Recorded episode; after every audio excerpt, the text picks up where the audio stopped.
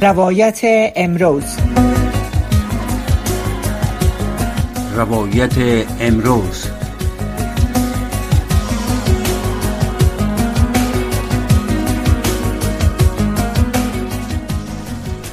بینندگان و شنوندگان محترم سلام.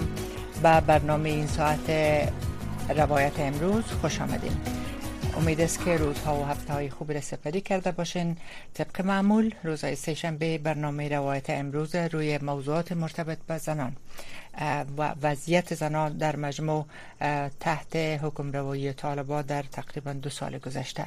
به بررسی می‌گیریم مشکلاتشان نیازمندی هایشان دستاوردهایشان. چیزهای مثبت یا منفی که اتفاق افتاده. برشان سر از این مسائل صحبت می‌کنیم. و انباره از مهمانان ما خانم ها می باشه ما در برنامه امروز به زودی خانم نادرن نهرینوال اونا را روی خط خط داشتیم که اونا را از بغلان با خود می داشته باشیم البته خانم نادره نهرینوال ببینم که روی خط هستن. خانم نادره جان روی خط هستن؟ سلام به شما خوش آمدین. نجبه جان عزیز سلام به شما و همکاران محترمتان. تشکر از که پذیرفتین دعوت ما را. البته برای شنوندای محترم خب به اسم شما مطمئنا آگاهی دارن. خانم نهرینوال یک مدت زیاده باعث رئیس شبکه زنا کار می‌کردن در ولایت بغلان. بعدا عضو برد مشورتی اجماع ملی انتخاب شدن و در اونجا فعالیت داشتن. و یک مدت هم رئیس سیلوی پل خمری بودن. ای که حال در چه وضعیت قرار دارن چی می‌کنن از خودشان میشنویم. نادر جان بازم خوش آمدین به برنامه. اول امیره برای ما بگوین که فعلا کجا هستین و چی مصروفیت دارین؟ نجیب جان عزیز اولتر سلام بر شما و خدمت همکاران عزیز. شما تقدیم می‌کنم. من فعلا در جای امنتر هستم و می‌خوایم که با شما صحبت کنم. شما قبلا هم وظیفه مرا گفتین که من از طریق یک انتخابات که به اجماع ملی برای صلح بر افغانستان کار می‌کردم. یک بعد هشت سال رئیس سیلوی پل بودم. یکی از فعالین حقوق بشر یا مدافع حقوق زن بودم. فعلا با تاسف که در جای هستم که کمی امنتر است خب پس شما وظیفه ندارین و کاری هم ندارین و درآمدی هم ندارین. برای من می‌خواستم که در مجموع بر ما بگوین که یکی خود خودتان است. یکی که وضعیت زنا در ولایت بغلان در مجموع از چه قرار است؟ چقدر کساد اوجه وظایف خود از دست دادن همونطور که آگاهی کل داریم که با پس از آمدن طالبا مکاتب دخترها بالاتر از سنف هفت مسدود شد دانشگاه ها مسدود شد و اکتداد زنا در سراسر افغانستان دستاشون از کار گرفته شده در ولایت بغلان چی وضعیت است؟ نجیبه جان عزیز خب یک سوال واضح است. برای تمام مردم معلوم است که فعلا زنا همگیش بیکار هستند و این زنا در پنجاه خانه خود هستند. هیچ جایی ندارن و حتی کسایی که امارت مثلا که قبلا پیش از پیروزی که اینا کار می‌کردن به دولت زنایی که زحمت بکشیدن کارهای عرفوی می‌کردن در مجموع کارمندای زن چی طبقه؟ مامور چی طبقه؟ کسایی که مثلا فعالین مدنی بودن کسایی که در مؤسسات دولتی کار می‌کردن. اما فعلا کلشان خانه نشین هستن. هیچ کدام کار نمی‌کنن و اجازه برشان نیست که بیرون از خانه باید کار کنن. حداقل معاشاتشان برشان دادن میشه. یعنی طالبا خب امواره کم برشان صحبت کردیم اونا میگن که معاشاتشان برشان داده میشه. من میفهم که خانم هایی هستند که اونا خودشان تنها نانآور خانه خانه خود هستند. آیا معاشات خود دریافت می‌کنن یا نمی‌کنن البته منظور از کسایی که در ادارات دولتی کار می‌کرد. در مؤسسات خصوصی و یا این نهادها اینجا اینا که بود خب اونا وقتی که مسدود میشن دیگه باز امکاناتش کمتر است که اونا باز بتانن او کارمندای خود که دیگه کار نمی‌کنن ماش بتن. ولی حداقل کسایی که در گفت شما گفتین در ادارات دولتی کار می‌کردن. نجیبه جان عزیز یک تعداد مؤسسات دولتی که فعالیت های خود داره عواید داره اوی در خانما می‌تونن که ماشای خود بگیرن. اداراتی که مثلا کار نداره فعالیت نداره خانما نمی‌تونن که در اوی اداره ماش بگیرن. حتی اکثریتشان منفک هستن در خانه هستن. درست. البته خب پس اینا چی مخصوصا هم خانواده که بیشتر هم اشاره کردیم که وقتی که اینا چی دارن؟ امی ماششان برشان داده نمیشه و اینا تنها ناناور خانه بودن. چی رقم زندگی خود پیش می‌برن؟ فعلا زندگی برای زنای افغانستان بسیار مشکل است. نجیب جان عزیز زنا بیچاره از بیکاری رنگ می‌برن زنا دولت فقر قرار دارن شما می‌فهمین که افغانستان چل سال است که جنگ است. در این چل سال جنگ در افغانستان چقدر خانما بیوه و بیچاره هستند. عاملین جنگ شما می‌فهمین که تمام اینمی رهبرای که به نام این و در افغانستان هستند اینمی مردم ها هستند. قربانی های جنگ کی هستند؟ اینمی زنای بیچاره هستند که امروز نمی‌تونن کار کنن. قبلا وقتی که اینا می‌خواستن کار می‌کردن در حکومت جمهوریت در حکومت جناب دکتر سید اشرف غنی زنایی بودن که از 14 واحد اداری ولایت بغلان 14 ولسوالی داره نجیبه جان بله. زنا اتا اینا کسایی بودن که در اجماع ملی در لوی جرگه کسی که داخل ارگ ندیده بودن اینمی مرد اینمی زنای بیوه و بیچاره هم می‌رفتن یک مقدار پولی برشان به نام سفریه و کرایه داده می‌شد هم اجماع ملی را هم سر صلح اینا کار می‌کردن متاسفانه که اینمی زنا امروز کلشان در خانه است. یک درد بزرگ برای تمام زنای افغانستان است. اینمی زنایی که شما پیشتر یادآوری کردن که اینا خودشان نانآور خانه بودن. امروز چی می‌کنن همگیشان رنگ می‌برن از بیکاری فقط در خانه هستن. دیگه جست عمل دیگه چاره نیست. نجیب جان عزیز. بله. ده خب البته طالبا همیشه ایره گفتن که یعنی ایره واضح تو نگفتن که ما حق ندارن خانم ها کار کنن یا دخترها حق تحصیل ندارن.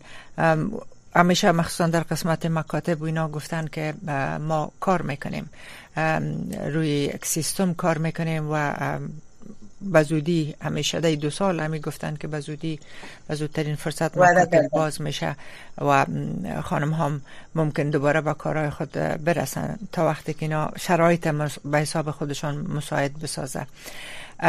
ولی در ارال تقریبا دو سال شد می‌بینیم که هنوز مکاتب مسدود است و خانم هم نه که یعنی مکاتب باز نشده تو پانتون ها و دو خانم دختر خانم هایی که کارش دستشان از کار گرفته شده با امید ازی هستن که یک روز دوباره این اجازه داشته باشند برن دوباره کار کنن اما دیده میشه که روز به روز قیودات وضع شده میره مخصوصا سر خانم ها آخرین تصمیم را که حداقل تا حالی که باید داریم ای بود که اما آرایشگاه ها را در تمام ولایت افغانستان مسدود ساختن. و گفته میشه که حدود 60 هزار خانم وظیفه خود از دست داده دمو, دمو قسمت هم گفته شد که اکثریت دو خانم ها کسایی بودن که فقط خودشان نانآور خانهشان بودن. در ولایت بغلان این موضوع چقدر تاثیر منفی گذاشت سر خانواده ها؟ خب نزبه جان ولایت بغلان یک ولایتی بود که اینجا طبقه کارگر طبقه غریب دی ولایت کار می‌کرد وظیفه اجرا می‌کرد. اگر در یک خانه زن شوهر کار می‌کرد اون زندگیشان پیش می‌رفت اولادشان تحصیل می‌کرد. برای تحصیل اولادشان هم می‌تونستن که از طریق اینمی کار پدر مادر پیش برن. متاسفانه نجیب جان ای دو سال است که مکاتب برای دخترها بسته است. از این جمله خودم مادری هستم که این تقریبا سی دختر مطالبال باید دوازده خود خلاص می‌کردن. اینا مکتباشان در عقب مان فعلا در خانه هستن. یک رنج بزرگ است. من نمیفهم که چقدر طالبا وعده میته برای جامعه جانی برای مردم افغانستان که مکاتب برای دخترها باز میشه تحصیل دخترها باز میشه. اما متاسفانه که همی به وعده خود استادگی نکردن. مکاتب تا بال اعلان نشده. هنوزم مردم در ولایت بغلان انتظاری را داره ما یک چیز را که رجب جان برای شما می‌خوایم بگویم که ما دو شو پیش در صفحه مجازی یک خانم دیدم که خانم خیلی از جمله خانمای بسیار نخبه است که در ولایت بغلان از دوره بسیار طفلیت با ما آشنا بوده سنفی دوره مکتبم بوده. بسیار به ما جالب تمام شده که دیر اونی پریش آمده صفحه مجازی دیدیم که در یکی از مکاتب شهر پلخمری باعث مدیره مکتب که مکتب مکتب ذکور است. ملاله جان دوجه تعیین شده ملاله انصار تخلص می‌کنه ما برشان از طریق می فیسبوک تبریکی دادم. متاسفانه که ما میخواینی برای یک نفر نباشه. برای تمام زنای افغانستان به خصوص زنای ولایت بغلان که پیشتر براتان گفتم یک ولایتی بود که فابریکات تولیدی و فعال بود. مثلا سیلوی پلوخوری نساجی فابریکه قند. اینجا خانما میگه نیمی پیکر جامعه را زن تشکیل میته واقعا که این فابریکات نیمش زن بود نیمش مرد. بله. اما متاسفانه کل زنای امروز در خانه هستند اکتفا نمی‌کنه بر یک کرسی ملاله جان. باید تمام دخترها مکتب برای تحصیل خود ادامه بتن تا چی وقتی دخترای بیچاره از بیکاری در خانه رنج ببرن؟ بله خب.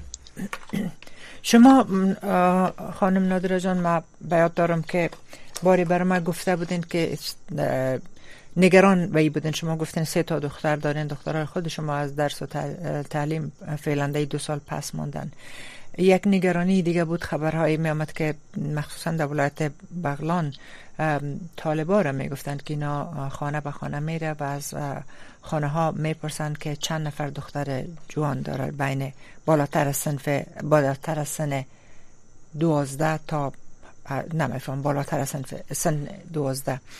یادم نیست که کدام تایم تا سی و پنج فکر می‌کنم گفته بودن. آیا این چیز هنوز هم ادامه داره؟ آیا پشت در شما هم طالبا در زدن این نگرانی رو شما داشتین؟ دارین؟ ای چی دقیق نجیبه جان متاسفانه که با من خبر شنیده بودم اما هنوز اینا پشت در من تق تق نزدن و یک فرم میره به من آورده بودن که فرم باید خانه بودی شوه که شما چند تا دختر جوان دارین یا مثلا دخترای شما چی کار می‌کنن؟ ایتی از معلومات از پیش به نخواستن.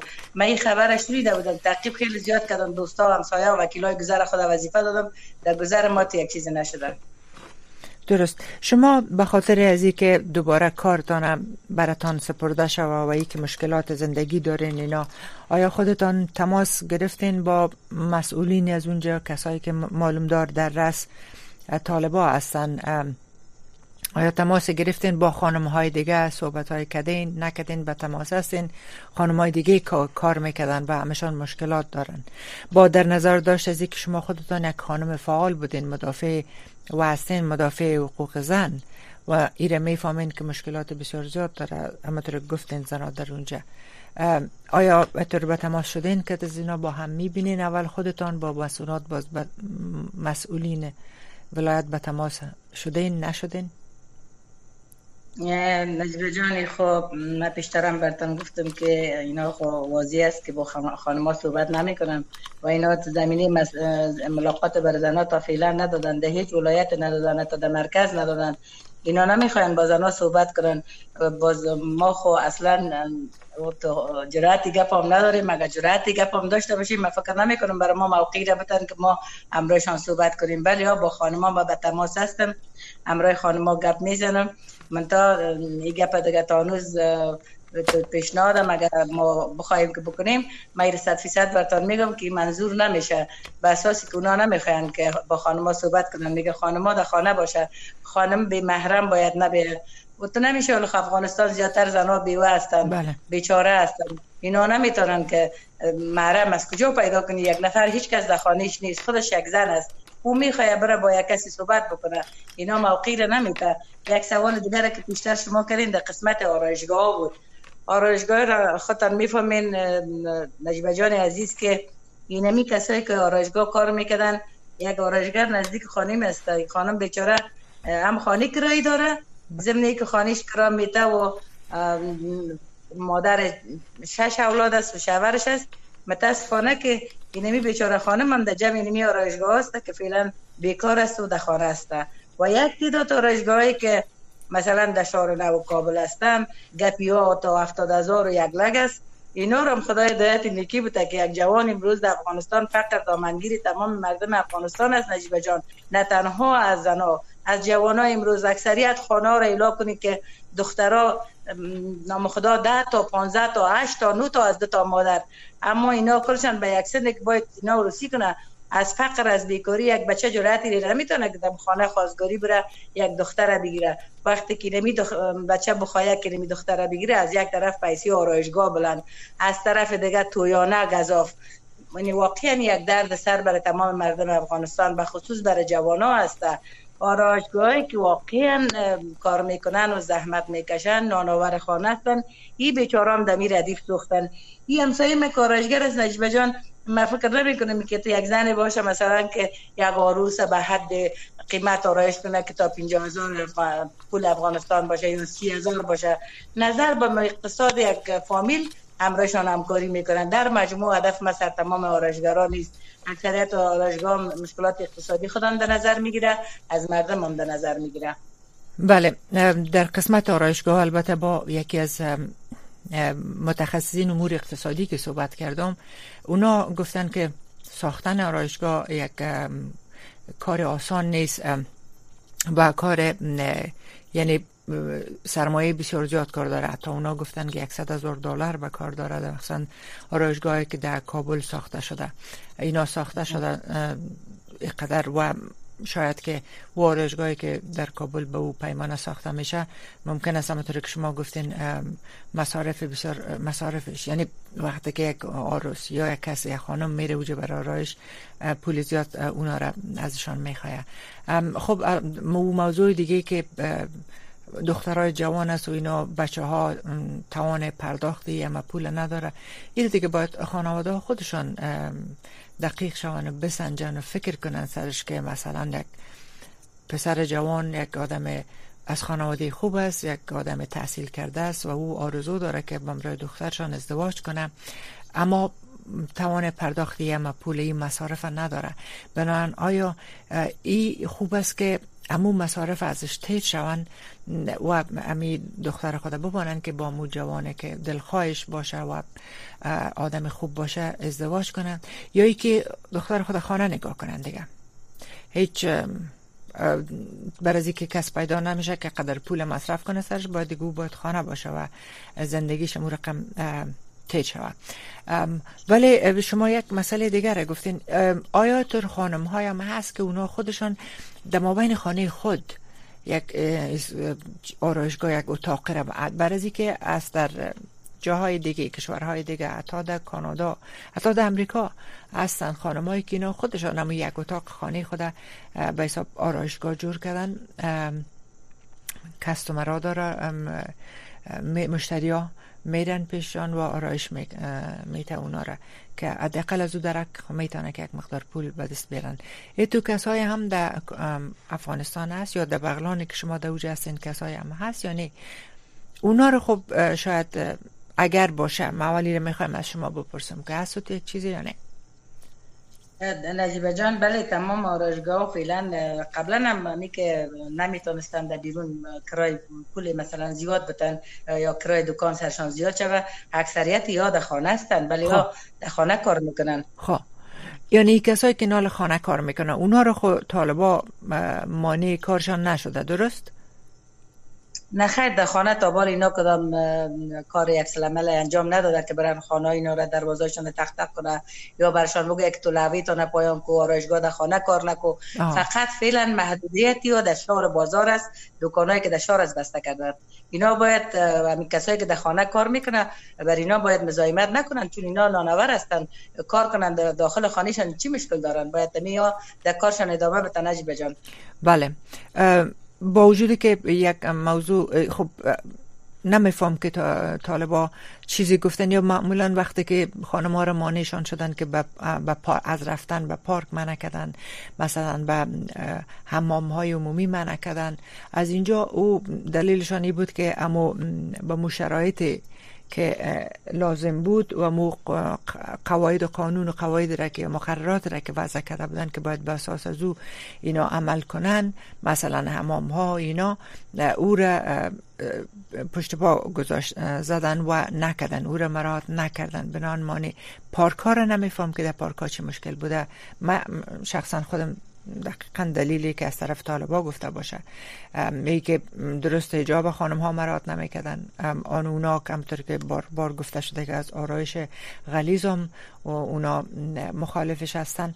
ولی در قسمت آرایشگاه ها خب حتی در زمان رژیم سابق هم آرایشگاه ها یعنی مردا اجازه نداشتند که در آرایشگاهی که زنان نمیره مردا با مو سلمانی ها یا بله. که از خودشان می‌رفتن اما وقت هم اجازه نداشتن. حتی, حتی تا 20 قدمی خود آرایشگاه هم آرایشگاه اجازه نداشتن از بجان بله.